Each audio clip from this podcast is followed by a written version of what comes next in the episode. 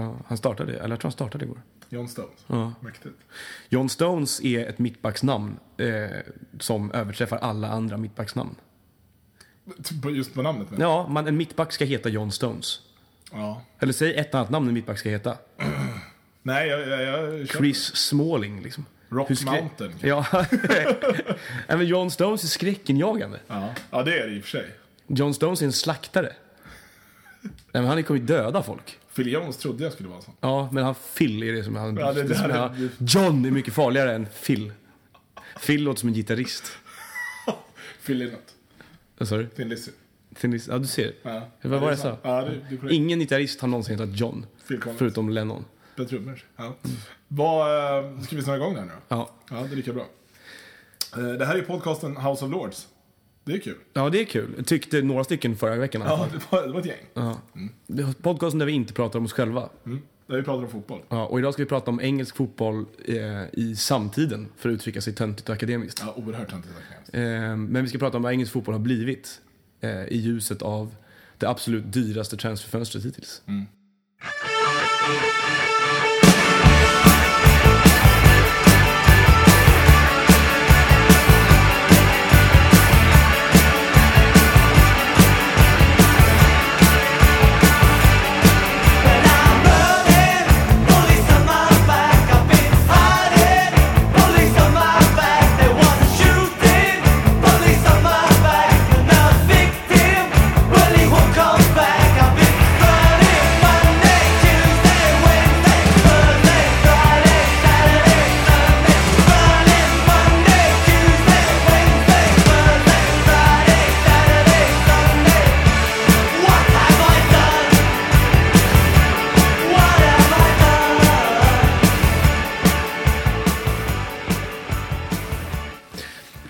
spenderades ju 835 miljoner pund av Premier League-klubbarna i sommartransferfönstret 2014, mer än någonsin tidigare. Och vi såg även att de här pengarna började rinna ner längre ner i seriesystemet. Där till exempel Fulham spenderade 10 miljoner pund på Ross McCormack från Leeds. Eh, vilket ju, om det, om det skulle vara allmän kännedom bland fotbollsklubbar i Europa skulle det bli någon typ av upprop mot engelsk fotboll. För att, eh, jag menar att Championship-lag, tänk om ett Serie B-lag skulle punga ut de pengarna för en spel. Det finns ju inte. Nej, nej. nej alltså, det är skenet av att, eh, alltså, även om det är många år sedan nu, så Zlatan Ibrahimovic kostade, kostade mindre än det där. Och Jag kolla vad spelare gick för i Premier League eh, i år. Alltså duktiga spelare som gick för, för bra mycket mindre pengar. Dembaba gick från Chelsea till Besiktas för 4,7 miljoner pund till exempel. Och, då betalar, och så betalar Fulham Leeds 10 miljoner pund för Ross, McCormack. Och ligger ändå på nedflyttning. Ja, jag vet inte, det, jag köper inte det. Jag tycker det blir, det, det, ja. Hur som helst så tycker jag det är illustrativt för vad som har hänt med England. Liksom med, med hur penningstint har blivit och värderingen av inte nödvändigtvis, liksom, det, det är snarare en transfernorm som har uppstått. Det har inte så mycket med med Cormac, engelsman i det här fallet tycker jag. Utan att man betalar fruktansvärt mycket mer pengar i England mellan engelska klubbar för spelare. Exakt, ja, men det, lägsta nivån har ju höjts, alltså kort, kortfattat. Du, du tycker ju att det liksom, spelarvärvningar får kosta i princip hur mycket som helst. I, alltså nästan. Ja. Det, det, det har ju spårat ur fullständigt. Men det här tror jag har att göra med lite det vi pratade om förra, förra gången också. Eh, just vad gäller hur, man, hur mycket man hypar själva transferperioderna. Mycket mer nu än man gjorde förut. Ja. Och det här har ju bara trissat upp priserna ännu mer. Sen är det väl så att, alltså i och med eh, den fördelningen av pengar som, som råder sen, sen egentligen Premier League grundades 92 så, vet, så finns det ju så mycket pengar och folk vet ju om det och man vet vilken industri det är och då kräver man ju betalt. Och, Ja. och klubbarna själva är ju så jävla, de har ju fått för mycket nästan så att de tycker att det spelar ingen roll. Nej, jag menar, och det, och det syntes ju framförallt det här fönstret mer än någon gång tidigare tycker jag. Det var ju inte förknippat med Everton att punga ut 28 miljoner pund för en spelare när man plötsligt drog Lukaku nu för de pengarna. Och det, det här kommer nog säkert liksom vattnas av på, på de, de lägre divisionerna ännu mer. Jag menar, lönebytena där är redan höga, men jag tror att vi kan se övergångssummor som stiger, kanske inte upp i de här Ross McCormack-pengarna nu, men kanske att, att det blir normen för lag i Championship och League One att köpa spelare för 4-5 miljoner pund så småningom. Vilket ju kommer göra att lönerna där blir högre, vilket gör att de kan dra till sig ännu bättre spelare. Ehm, och, men det här blir också, ja, jag vet inte. Frågan är om det är bra eller dåligt för engelsk fotboll. Alltså för engelsk fotboll så som de, för de inhemska spelarna så, så är det definitivt sämre. Alltså det, det måste vara sämre. Eh, dels för att eh, när det inte finns engelska spelare som ens är värda de här fantasisummorna så, så blir det mer utländska spelare. Vilket vi såg i år, till exempel. Många utländska köp som gjordes. Eh, och när man köper från Real Madrid till, till Premier League så vet man att någonting är fel. Och det ska ju generellt sett inte ske. Eh, men för produkten engelsk fotboll som ett kommersiellt fenomen så är det ju positivt. Ja, för den fortsätter ju växa. Jag menar, det, den här utvecklingen på, på priserna är ju bara en, ett resultat av efterfrågan. Alltså, så här funkar ju alla marknader egentligen. Att, jag menar, du kommer ju inte hitta en, en marknad där, om du har de här pengarna till ditt förfogande, då kommer du hela tiden söka det bästa värdet för de pengarna och köpa de bästa spelarna. Och då kommer du liksom, ur ett företagsekonomisk synpunkt inte gå efter någon på grund av ett sentimentalt skäl som att de är engelsman i slutändan. Utan du kommer alltid gå efter den bästa fotbollsspelaren för du måste få den bästa produkten. Eh, Men det, det man ställer sig frågan till då är ju liksom hur långt kommer det här vattna engelsk supportkultur innan, innan de som först skapade efterfrågan, det vill säga supportrarna, faktiskt vänder ryggen till ordentligt. Mm. Men, eh, men det, alltså, det tror jag... Alltså än så länge så, så är det jävligt lugnt just för att turismen är som den är. Så att det spelar inte så jävla stor roll. Um, det, var, det var, någon, någon intervju jag såg med någon norsk eh, journalist eller någonting som berättade det att de, eh, han trodde inte att det var en enda match under en helg som inte besöks av en norrman. För att det är så många norrmän som åker över. Och de täcker ju upp. Alltså än så länge så täcker ju alla turister upp för alla locals, eller vad ska jag välja att kalla dem. Eh, och då, då, då kommer ju den här reaktionen bara fortsätta och fortsätta och fortsätta.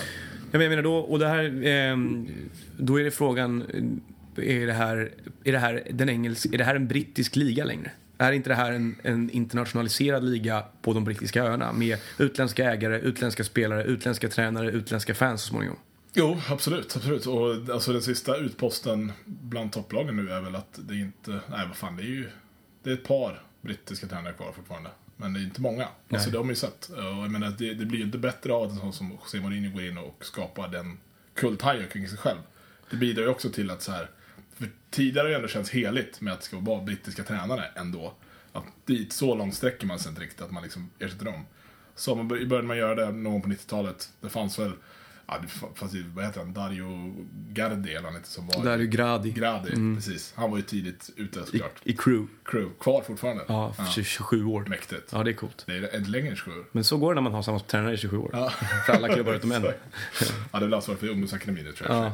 Men, eh, nej men så det har väl funnits tidigare. Men jag tror att alltså, i och med att man, man har även sett att utländska tränare kan komma dit och bidra så pass mycket till, till att hypen blir större.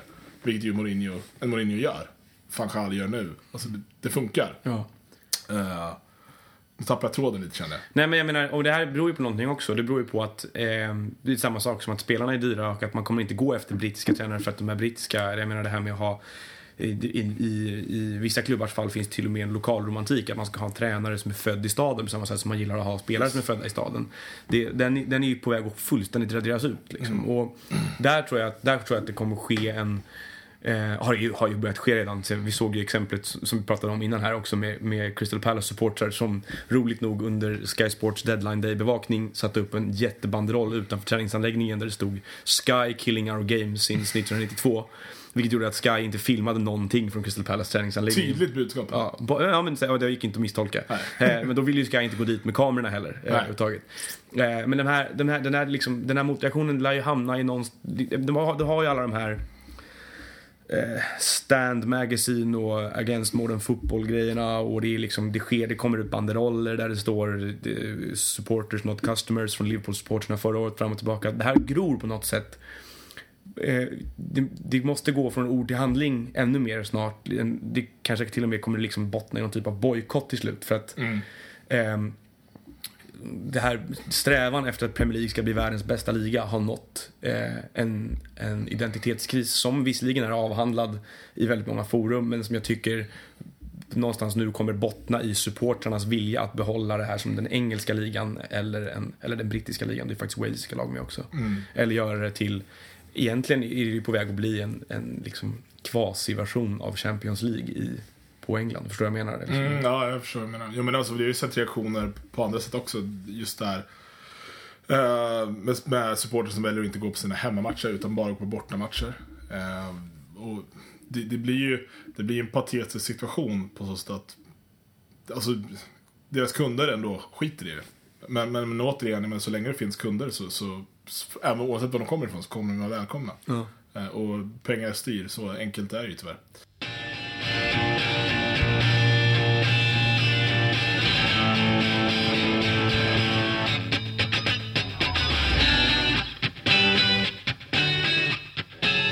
Ja, nej, men, om man, om man, men om man tittar på um, supporterkulturen, hur den utvecklas med allt det här. Liksom, det, här det, det, det vi har diskuterat, och som jag vet att det diskuteras mycket inom Manchester United-kretsar till exempel, är ju det, hela det vi pratar om nu, är idealism um, versus kapitalism i det här fallet lite grann. Um, det är ju liksom, det är ju ett faktum nu för drygt 16, 15 av klubbarna i Premier League. Att eh, vad man kan hoppas på ur rent logisk och historisk synpunkt, alltså korrelationen mellan lönebudget och Champions League-platser eh, är ju så pass liksom, långtgående nu att det är inte realistiskt att ha drömmar om annat än att man utmanar om sjätteplatsen ungefär på sin Nej. höjd. Ehm, och det här har ju tagit död på en del av supporterskapet. Samtidigt så har eh, utraderingen av eh, inhemska spelare, lokala spelare, lokala tränare tagit del på en annan del av eh, supporterskapet. Frågan är om det här är en förvandling av supporterskapet till någonting annat eller om det är slutet på supporterskapet i England. På det klassiska supporterskapet. Ja, som, faktiskt- som vi känner det. Just det. Ja, det är, det är möjligt. Men det, men det har ju också att göra med att spelarna själva säljs in som, som, eh, som varumärken i sig. Och alltså, i många fall, man pratade om det, det var framförallt för ett par år sedan, eller ett par, tre år sedan kanske. Så var det väldigt aktuellt det här med att- att folk började, kidsen började egentligen hålla på en spelare. Sen var det skitsamma vart han spelade. Och det, den problematiken finns fortfarande kvar. Eh, och det är, så är det, men det är ju inte så jävla konstigt heller för att Alltså nu, nu när, du är, när du är barn så matas du ju med vissa klubbar oavsett vart du än går. Går du och handlar på ICA då kan du köpa Barcelona sen kläder. Ehm, fan, går du på IKEA snart kan du säkert hitta någon jävla kudde från ett klubblag. Alltså det är liksom, det finns ju några drakar och de kommer dra till sig folk först. För det är ju någonstans, anledningen till att man väljer en klubb nu för tiden baseras ju på andra parametrar än, än vad det gjorde förut. Ja, eller med tanke på att deras, klubbarnas rekryteringsverktyg är helt annorlunda än vad de var tidigare. Exakt, de strävar ju efter supporterbas på ett annat sätt än vad man gjorde förr kanske. Och för de vet att det kommer betala av sig. Jag menar, din, din, din kundlivslängd är ju oändlig. Exakt. Den är ju hela livet när du väl har allierat dig med ett lag. Tror, tror du det finns någon som har valt support, eller valt klubb på grund av bäst Instagram-konton? Ja, det tror jag. Det, det lär ju ha hänt. Ja, det är absolut Förstår du ja. Nej, men jag menar, och då kan man sitta och vara romantisk och tycka att det är deppigt eller så kan man se det som liksom en naturlig utveckling av sporten. Eh, plussidan av allt det här är ju att vi får se fotboll av högre kvalitet varje lördag. Jag menar, det finns ju spelare i bottenlagen i Premier League man kan, man kan diskutera om Premier League är världens bästa liga. Det tycker inte jag att det är. Det tycker jag att det finns ligor som, är, som är, håller högre högsta nivå till exempel. Man, det är väl ett mångfacetterat begrepp. Men, Ja, men eh, det, vi fortfarande spelare i Premier Leagues bottenlag som är ordinarie i några av världens bästa landslag och som ändå ramlar ur Premier League nästan. Eh, det, det, gör, den, det är ju det plussen av det hela. Det, det tråkiga med det är att själva spänningsmomentet och det här liksom, i hela aspekten av att kunna drömma om någonting har ju försvunnit för många. Ja, jo, men, men alltså det här med, med top 4, om man ser på just den biten, alltså att det är vissa klubbar som alltid vinner, vilket jag ändå är inne på nu, så, så top 4 har man ju hört jämt i princip. Alltså det är, allt begreppet har funnits väldigt länge i alla fall. Ja, fast det har ju varit, det har gått i cykler. Det har varit, Såklart, det har varit olika som har slagits in såklart. Mm. Och, jag menar, den sista, sista någonstans var väl liksom United, Chelsea, eh, Arsenal, eh, Liverpool. Ja. Nu har City tagit sig in. ja. United har ramlat ur, om man ska vara helt krass. Alltså, så. Eh, Och då har Tottenham och Everton som utmanar. exakt. Men deras, deras, eh, deras, nu vet man ju inte vad som kommer hända på sikt med de nya tv-avtalen och så här och Financial Fair Play. Men deras förmåga att på riktigt Ja, men du pratar ju fortfarande om sju klubbar i ett seriesystem på 92. Mm. Jag menar, det är, och för de flesta andra lagen så ser verkligheten helt annorlunda ut. Mm. Ehm, de många lag har ju liksom hela tiden en, en progressiv inställning och en strävan och en ambition som gör att de utvecklas och kommer lite närmare då och då. Men som Southamptons fall då till exempel, lätt plockas isär när det går lite för bra. Exakt. Ehm, det är väldigt få klubbar där som har då musklerna att stå emot när det väl, när det väl gäller. Men jag, det jag undrar framförallt med någonting annat med det här nu som jag ville komma till med det här, det var det är supporter, supporterkulturen som kommer omgärda klubbarna lokalt. För att eh, som du säger så med världen som rekryteringsbas egentligen så kommer ju de klubbar med, som syns på flest ställen med starkast varumärken vara de som plockar in flest supportrar och om supportrarna på sikt ska utgöras av en större procentandel turister så kommer det visa sig även i deras, i deras eh, bokslut. Eh, lokalt, förmågan att rekrytera spel, eller fans lokalt har jag, jag läst en hel del konstigheter om liksom, vad som håller på att hända i England. Där eh, paketeringen av Premier League eh, och paketeringen av, av liksom Super Sundays med samma lag som gör upp varje gång. Och deras, det är alltid de som värvar de bästa spelarna. Vem, om inte barnen i Middlesbrough håller på Middlesbrough, vem ska hålla på Middlesbrough då? Eh, nej men det, precis, det, det, det går inte att svara på egentligen. Alltså som det ser ut just nu. För att Middlesbrough visas inte på TV här. På så sätt. Eh, kan jag säkert hitta det på någon jävla kanal. För rättigheterna finns ju över hela jävla Sverige. Eller över alla kanaler i hela Sverige. Eh, och och det, det är ju det som är så jävla sorgligt. Och det tror jag att pro- problemet är att dit går inte turisterna heller. Turisterna går inte och tittar på Middlesbrough. Så att de kommer liksom kommer försvinna. kommer lägga ner den klubben till slut. Så det inte finns några fans. Nej, så är det ju såklart inte. Men jag tror att det, det kommer vila jävligt mycket på de faktiskt genuina supportrar som finns nu. Att liksom e- egentligen till, inte tillåta låter ju jävligt grovt. Men att ändå liksom förklara för sina barn hur viktigt det här är. Att de ändå väljer att supporta den klubben. Jag menar det, för för många av klubbarna i England så är ju realiteten att den stora intäkten förutom tv-avtalen kommer från matchdag liksom, och, och att fylla arenorna. Eh, och på sikt då, om den här utvecklingen fortsätter, att jag menar till och med barn och ungdomar i England väljer lag som inte är det lokala laget. Då kommer de här klubbarna ha svårt att hävda sig ekonomiskt ens för sin egen överlevnad och existens och så vidare om inte eh, lyckas. Då kanske man måste påbörja liksom ett varumärkesarbete, hur äckligt det än låter. eh, I alla fall redan nu. Jag menar, när klubban verkligen måste profilera sig och aktivt vända sig mot unga supportrar för att få tillväxt på den fronten. Ja, och precis. Och hur, hur börjar man då? Ska man gå ut, ska en klubb som Middlesbrough gå ut i, i hela England eller hela Storbritannien direkt? Eller går man först ut lokalt och testar och ser om det tar fäste någonstans? jag, jag, det här, nu, pratar vi, nu pratar vi olika kampanjplaner här för, Ja. för Middlesbrough. Nej, men det jag tänker är att man liksom, det måste vara ganska, man måste vara ganska proaktiv och förebyggande mot den liksom, potentiella marknad man har som klubb.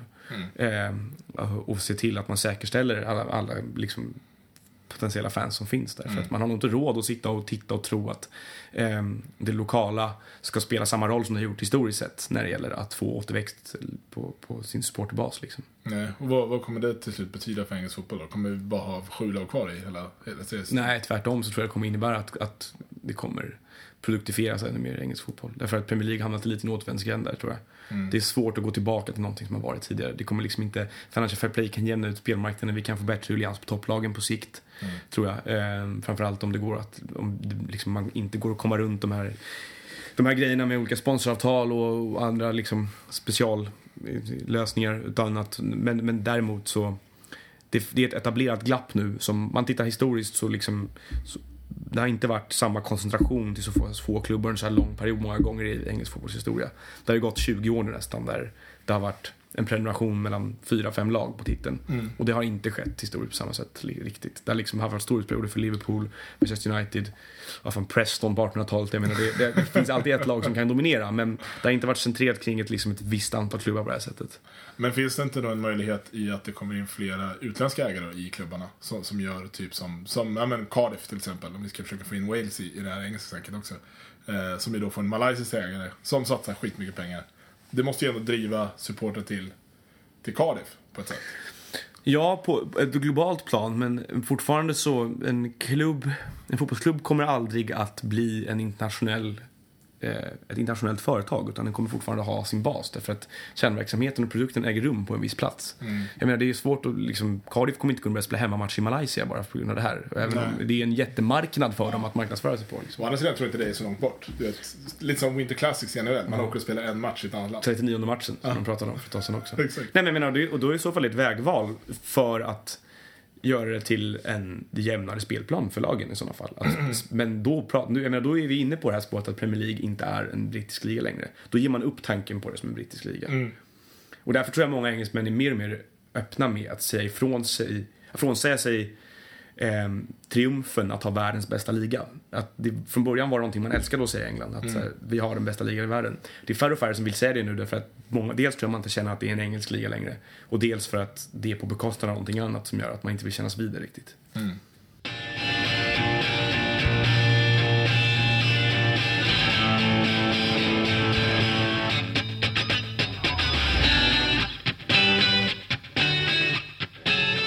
Det låter ju som att, nu har det låtit som att vi har målat upp en existentiell kris här.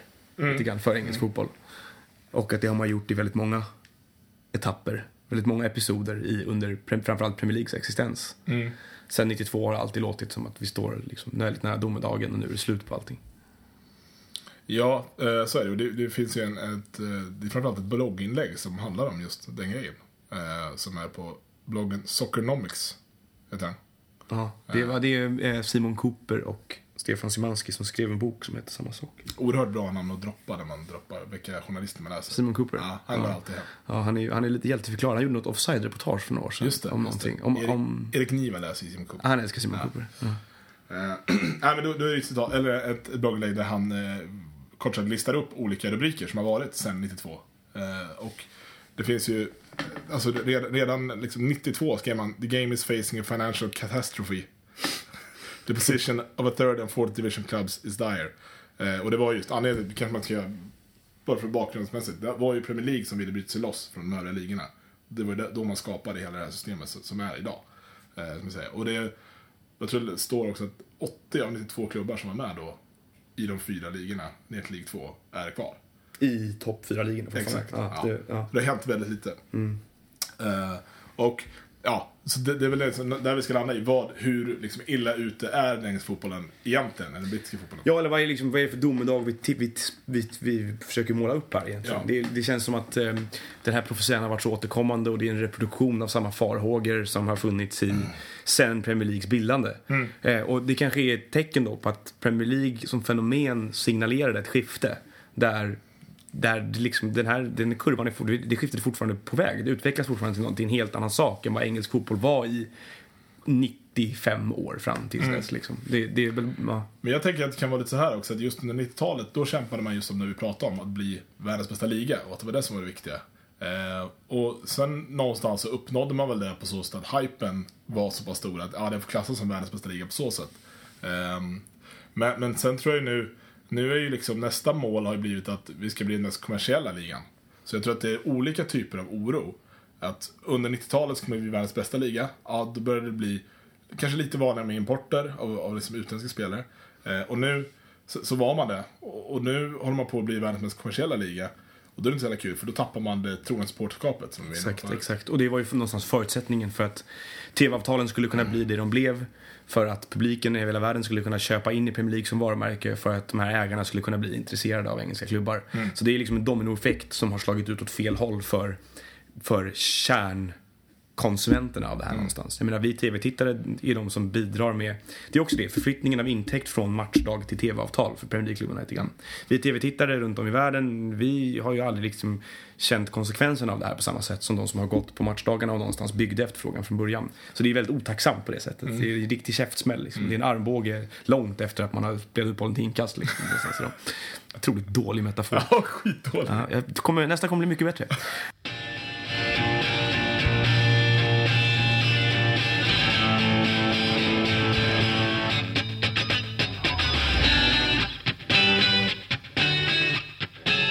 Vi var inne på det här med nästa generation förut. Men, men vilka, vilka tar den här utvecklingen värst? Tror du våra föräldrar eller deras generation bryr sig så mycket? Jag tror att, för jag tror att vår generation ändå bryr sig mer. För att vi vill uppleva det som våra föräldrar har upplevt vad gäller liksom kärleken till klubb. Eh, de har nog nästan så här tröttnat. Alltså det är så ja fast det där var kul för 30 år sedan. Men vi, vi förälskade oss nog i Premier League och engelsk fotboll generellt under en period när det fortfarande levde på ångorna av den gamla engelska fotbollen men paketerade det nya. Och eh, då tror jag att vi har eh, den romantiska bilden av Premier League som, inte, som liksom, där det verkligen var blommade som mest på det mest autentiska sättet. Eh, och att man det, då tar det ifrån det idag och, till, och tar det mot ett, mot ett håll som, som vi inte fick uppleva gör att vår bild av Premier League är kanske Premier League i dess i all dess prakt om du förstår vad jag menar. Eh, och som kanske inte kommer tillbaka på samma sätt. Och därför tror jag vi är extra ledsna. Det, det, de, det var nog säkert många supportrar som i princip vände ryggen till eller tyckte att det liksom, de här delarna av, av den engelska fotbollen försvann redan under slutet av 90-talet, början av 2000-talet när det började paketeras på det här sättet. Är du uppvuxen idag? Det är därför jag är rädd för nästa generation supportrar. Jag menar, jag funderar på att hålla, gå och hålla seminarier för barn om det här. Förstår ni hur, vad det handlar om egentligen? Nej men... Eh, Det lät lite konstigt. Oh. Seminarier. eh, men nej, men jag menar, då, då tror jag att för dem kommer det här inte te sig så särskilt märkligt. De är ju uppvuxna i en, i en superpaketerad fotbollsupplevelse. Medan vi är uppvuxna i, i mycket mer lokal Precis, så vi som föddes någonstans under 80-talet, vi hade egentligen hade vi den bästa timingen på så sätt att vi fick uppleva det som, som den är som bäst. Enligt vårt tycke. Jag tror det, i alla fall som, i alla fall som svensk Premier League-supporter. Därför att vi, då fick vi tv-sändningar som gjorde att vi kunde följa våra favoritlag hela tiden. Eh, och den lokala, liksom, det fanns en fortfarande en balanserad marknad att arbeta på. Det var ingen som hade stuckit iväg på samma sätt, förutom Manchester United, tack vare en person. Eh, men det var inte de här, innan Abramovic kom in så var det inte de här eh, ojämna spelfältet riktigt. Och faktiskt två, tre år efter Abramovic så var det fortfarande lag som krigade om, om fjärdeplatsen. Men från 2005, 6, 7 där någon gång så har det ju liksom satt sig en, en eh, till, och sen plus City då, så har det ju satt sig en struktur som inte riktigt är, är, är igenkännlig historiskt sett. Mm. Men, men då, då, då blir det återigen, okej, fast vem, det går att stoppa överhuvudtaget då? Eller är det bara liksom att luta sig tillbaka och bara se det hända? Ja, men det, om man tittar på de här förändringarna eller uttalanden som vi, har, som vi såg på den här bloggen från, som, från 92 fram till idag så är det ju egentligen, har de ju lyckats gräva fram citat från varje säsong där någon förutspår slutet för liksom det här stupet som ska komma, där liksom nu är allting kört. Eh, vad man inte har sett framför sig då och som vi inte kan se framför oss nu heller, det, är ju de, det kommer ju säkert komma strukturella förändringar som gör att det kan vändas på sin spets igen. Jag menar, det, det kan hända saker. Plötsligt, tänk om Uefa inte längre är världens absolut sämst fungerande organisation. tänk, om, tänk om Fifa inte är bara ett gäng fyllon. Liksom. Så att, jag menar, då, då, då kan ju saker och ting faktiskt vändas till. Ja, men samtidigt, jag menar, om du kollar på de förslag, eller de grejerna som ändå har satt sig som typ FFP, så, Ja. så baseras det ändå på att du ska dra in de pengarna du spenderar. Ja. Men fortfarande så är det ju vissa klubbar som drar in så mycket mer, så hur ska då någonsin de där kunna komma ikapp? Nej, det är, och där är ju en stor, det är en stor, eh, eh, en stor utmaning egentligen för, för Uefa och Fifa att jämna ut den spelplanen. För den är mycket svårare än det här ekonomiska dopingen känns som. Ehm, där är ju också hur man fördelar tv-avtal, vad, hur mycket pengar som finns i Champions League i förhållande till Europa League. För Champions League är fortfarande kast, den liksom stora kranen för alla de här klubbarna som gör att den här ojämnheten kan bibehållas någonstans. Ehm, men jag tror, jag tror att eh, Det är sjukt att, bara just när du är inne på Champions League och pengar, det är sjukt att supporter till Manchester United inte vill spela Europa League, skiter i de pengarna som är. Man tycker inte att pengarna är värda förnedring att spela på torsdagskvällar. Ja, man ser det som en förnedring. Det, var, det är också, men där är vi inne på en generationsfråga tror jag. Ja, absolut. Därför att eh, många yngre fans ser nog Europa League som en börda mer än ett äventyr. Liksom. Eh, jag, jag har ju sett Newcastle spela se- semifinal i Uefa-cupen, eh, som det hette i förr i tiden. Och det är bland de mest magiska upplevelserna, inte på plats, men hur som helst, det är, liksom, det är, en, det är, en, det är verkligen ett starkt minne när Didier Drogba klackar förbi Andy O'Brien och gör 2-0 i Marseille och vi åker ut. Eh, efter att Hugo Viana missade en nickduell på mitten för att Gary Speed var skadad.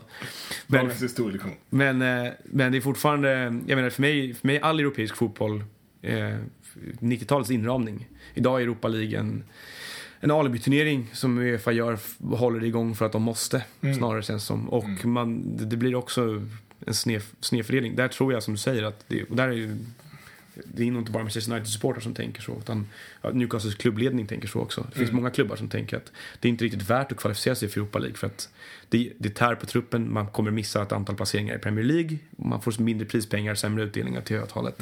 Eh, och den, Och du tappar konkurrenskraft i det som vi har pratat om i hela exakt, Ja. exakt. Jag menar, och den, den eh, effekten, den följ, följordningen är ju katastrofal för fotbollens utveckling. För att det kommer göra, ja, Men när vi pratar om domedag eh, och, och allt vad det, vad det innebär så, så måste vi också konstatera, vad är det domedagen för? Alltså domedagen för den engelska fotbollen som vi ser den? Ja. Men är, är domedagen för den engelska fotbollen överhuvudtaget? Det kommer det aldrig bli. Så att egentligen är det ju bara, det, egentligen så låter vi bara som två gnälliga gubbar som tycker, sitter och säger att det var bättre förr. Ja, nej, men jag tycker man... Ja, precis. Så kan, så kan man ju tycka. Eller så kan man se det. Ja. Eh, Men, men, och det, men det vi utrönar är väl egentligen varför det var bättre förr och var det var som bättre förr. Ja. Eh, och det här med att, med att man pratar om det som en domedag. Vi låter ju som att vi är fullständigt bedrövade över vad engelsk fotboll är på väg. Mm. Eh, det behöver nödvändigtvis inte bli så. Jag tror, jag Det var nära ändå, får inte så. men, nej, men, nej, men det, det, det, det, som, det, som kommer, det som jag tror kan bli svårt ser du på fotboll på det sättet som vi har pratat om här nu, eh, där eh, i supporterskapet ska det bestå av dels en lokal förankring, någonting, liksom, klubben ska ha någonting med staden att göra, parallellt med att ditt lag, du ska alltid ha en, även om den är ouppnåelig, en dröm att sträva mot. Liksom. Eh, då, de två aspekterna är på väg att skalas bort från väldigt många klubbar i England. Och det finns, om det finns ett fåtal klubbar som kan bibehålla en av de aspekterna, om det finns sex klubbar som kan bibehålla idén om att du kan vinna någonting varje säsong, då kommer de bli de som till slut attraherar supportrar som är passionerade. Resten kommer liksom, man blir lite av en man, nu pratar jag ur egen subjektiv Ja. perspektiv, men jag, jag läser många andra som reagerar på samma sätt. En dagdrivande zombie som support lite grann. Du tittar för att du har alltid gjort det, men vad är det egentligen att hoppa? En seger och en förlust blir till slut liksom en, en, en ingrediens i en hästlasagne som handlar om att komma mellan 16 och 8 plats liksom. Fruktansvärt uppgivet sagt. Men, eh, men ibland, jag tror, jag, tror inte att, jag tror inte att jag är ensam om att göra den analysen. Liksom. Det, det är ett fåtal klubbar som har Nej annan- men så är det, och det, det är ju skillnaden alltså, mellan, mellan oss vad gäller vilka vi håller på. Så, så, så det blir väldigt tydligt. Ehm, för jag har ju inte, det är ju egentligen först sista två åren som jag börjar tänka de här banorna på grund av den stora förändring som hände då med, med Sir Alex. Såklart, då, då vaknar man ju till på ett annat sätt. Ehm, men sen så tror jag att eh, det finns ju så många supportrar eh, idag som, som, som har valt ett lag någon gång baserat på någonting som inte finns kvar. Eh, som, som kanske inte är speciellt intresserade heller. Och jag tror att kan du fånga upp de människorna att faktiskt, den, alltså, om man ser det så, den genuina fotbollen finns fortfarande kvar längre ner. Alltså Championship fortfarande, det är en sämre fotboll, ja, såklart. Men, men den är fortfarande liksom mer vad det var och brukade vara. Eh, och jag tror att så här, kan du få folk att uppskatta det, men det handlar ju om vad media skriver om också. Eh, det är ju där det ligger mycket också. Och det är en bra sak egentligen. Det, det drabbar ju oss eh, internationella Premier League-konsumenter. Men att man visar en match på klockan fyra på lördagar. Eh, nu går det ju att få tag på dem via box och stream och andra grejer. Men det är ju egentligen ett sätt att få folk att gå på sina lokala lag och gå och titta på annan typ av fotboll. Och ett briljant initiativ som, håller, som jag såg ägde rum igen nu under landslagsuppehållet, som är under varje landslagsuppehåll. Det är att de, de har non-League Day i hela England. Därför att, eh, och då går folk på fotboll i lägre divisioner. Det är liksom många journalister som deltar i det fram och tillbaka därför att man bevarar, liksom, bejakar gräsrötterna lite grann. Ehm, och jag menar, det där, den, där, den fotbollen, den är ju fortfarande förkroppsligar det som vi förknippar med brittisk fotboll många gånger. Eh, och den är det fler och fler som romantiserar och fler och fler som vänder sig till. Men frågan är då om nästa generation kommer göra det också. Nej, det är det som återstår då. Ja. Det är därför vi ska börja hålla seminarier för barn.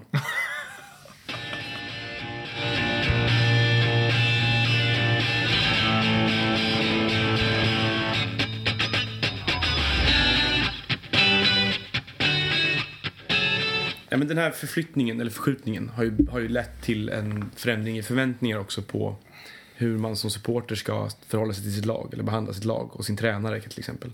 Och tränarrollen har ju blivit till exempel, eh, tycker jag, det kanske största offret för det här. Eh, det, tålamodet, det har vi snackat om många gånger, eh, och det har alla andra snackat om många gånger också.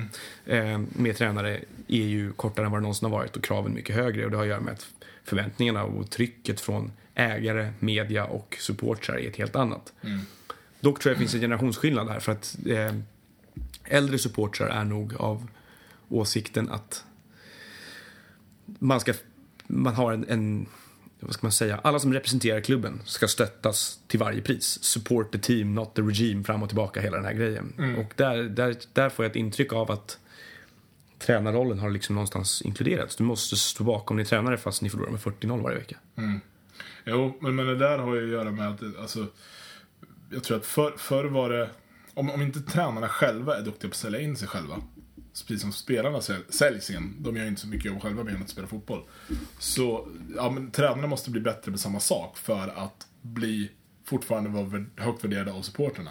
Sen är ju frågan liksom, okej vem bestämmer mest? Är det liksom ägarna eller är det, eller är det supporterna? Eh, och tyvärr är det väl så att ägarna alltid bestämmer. Det, det såg vi ju på förra året när, vad fan fick sparken då? Som blev ett jävla liv. Cardiff. Cardiff. Malcolm. Mackay, som visade sig vara rasist sen, så det var Ja, helt så rätt. det var ju bra i och för sig. Nej, men det är det jag menar, att, att i och med att yngre supportrar idag väljer eh, väljer de som syns mest och som, som är coolast att, att hålla på eller att gilla, så är det precis samma sak med tränare. Att, I och med att det är så få som faktiskt säljer in sig själva, så skapar de ingen relation heller med gemene man i soffan. Liksom. Nej.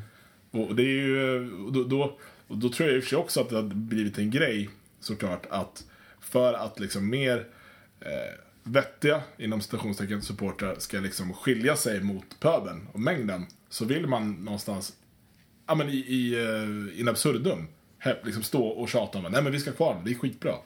Eh, och det är där, det, där är det ju en skillnad. Ja, men det, är- ja, men det, det är ju en, en aspekt av det, absolut. Men, då, men då, samtidigt så kan jag tänka mig att eh, det finns väldigt många eh, av, de, av det äldre gardet som också tror, som ser varje tillrop till ett tränarbyte som en reflektion av modern fotboll.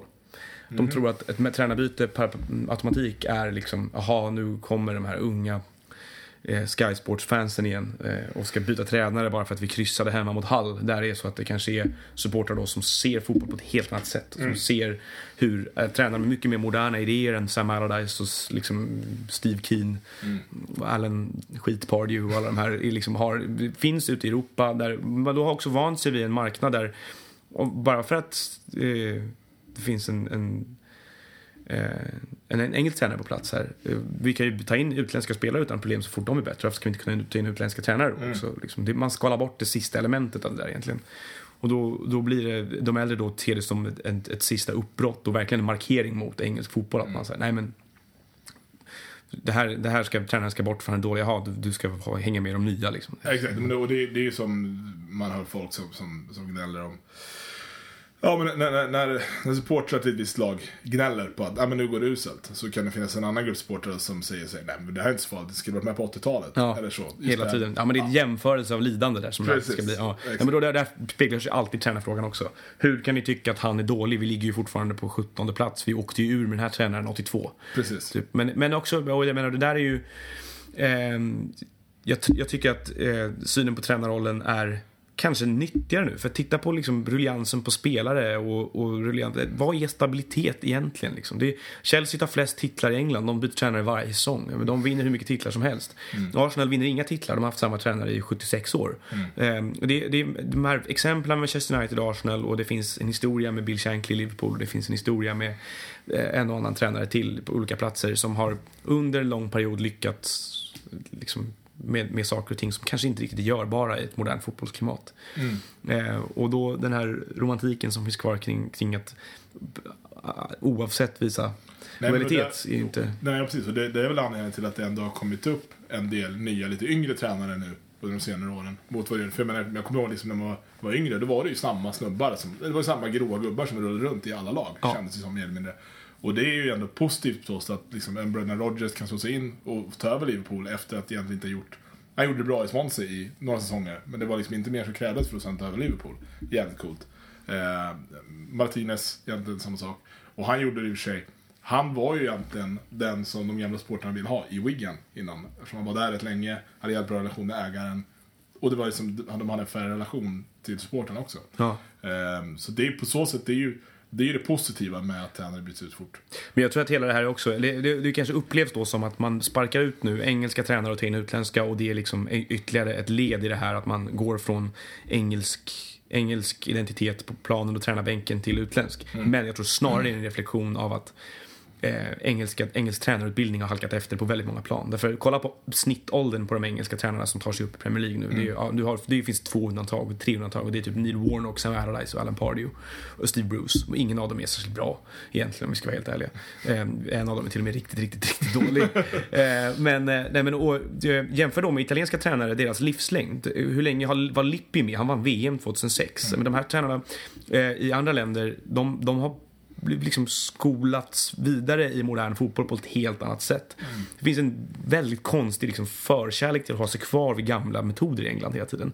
Glenn Hoddle, Alex McLeish, Steve McLaren, eh, Alan Kirbishley, eh, det är Laurie Sanchez, det är, det är så många som föll bort. Alltså, egentligen skulle Terry Venables kunna träna fortfarande. Kevin Keegan skulle kunna träna fortfarande. Kevin Keegan hade bra idéer.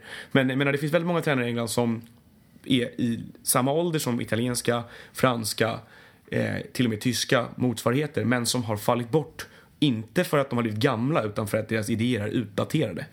Och när man då vill ta bort de sista engelska tränarna, då ser jag det som ett uttryck för att det håller på att internationaliseras ännu mer. Exakt, exakt. Men där i och för sig, det tror jag i och för sig lite, just den här jämförelsen vad gäller utländska tränare och, och engelska tränare, hur bra de är.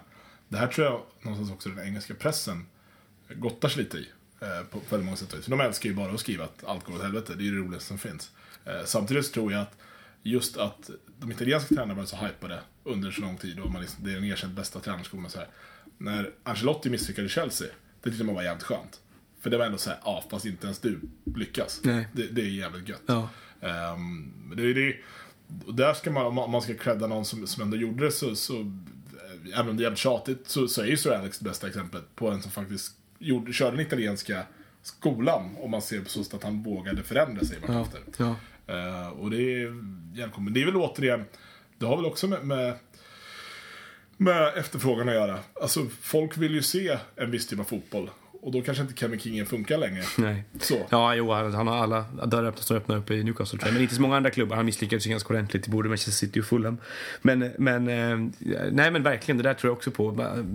I synnerhet det som, det som du säger angående att man vill se en viss typ av fotboll. Eh, Det finns en förväntan på att alla lag, så fort det är ett lag som vinner mark i Europa, då ska alla lag spela den typen av fotboll. Och då, jag menar, ja, Nej men sen även bilden av engelsk fotboll som, som är jävligt målglad, det går fort, det går framåt hela tiden. Om det då kommer in någon som kanske inte riktigt står för det, eller har den fotbollen, då kanske den är jävla aktuell för engelsk Premier League, för att där ska det här hända hela tiden. För det är vad folk förväntar sig när de betalar 6000 spänn och åker från Norge över för att se på fotboll. exakt. Då räcker det inte med eh, en utdaterad dinosaurie på bänken längre. Nej.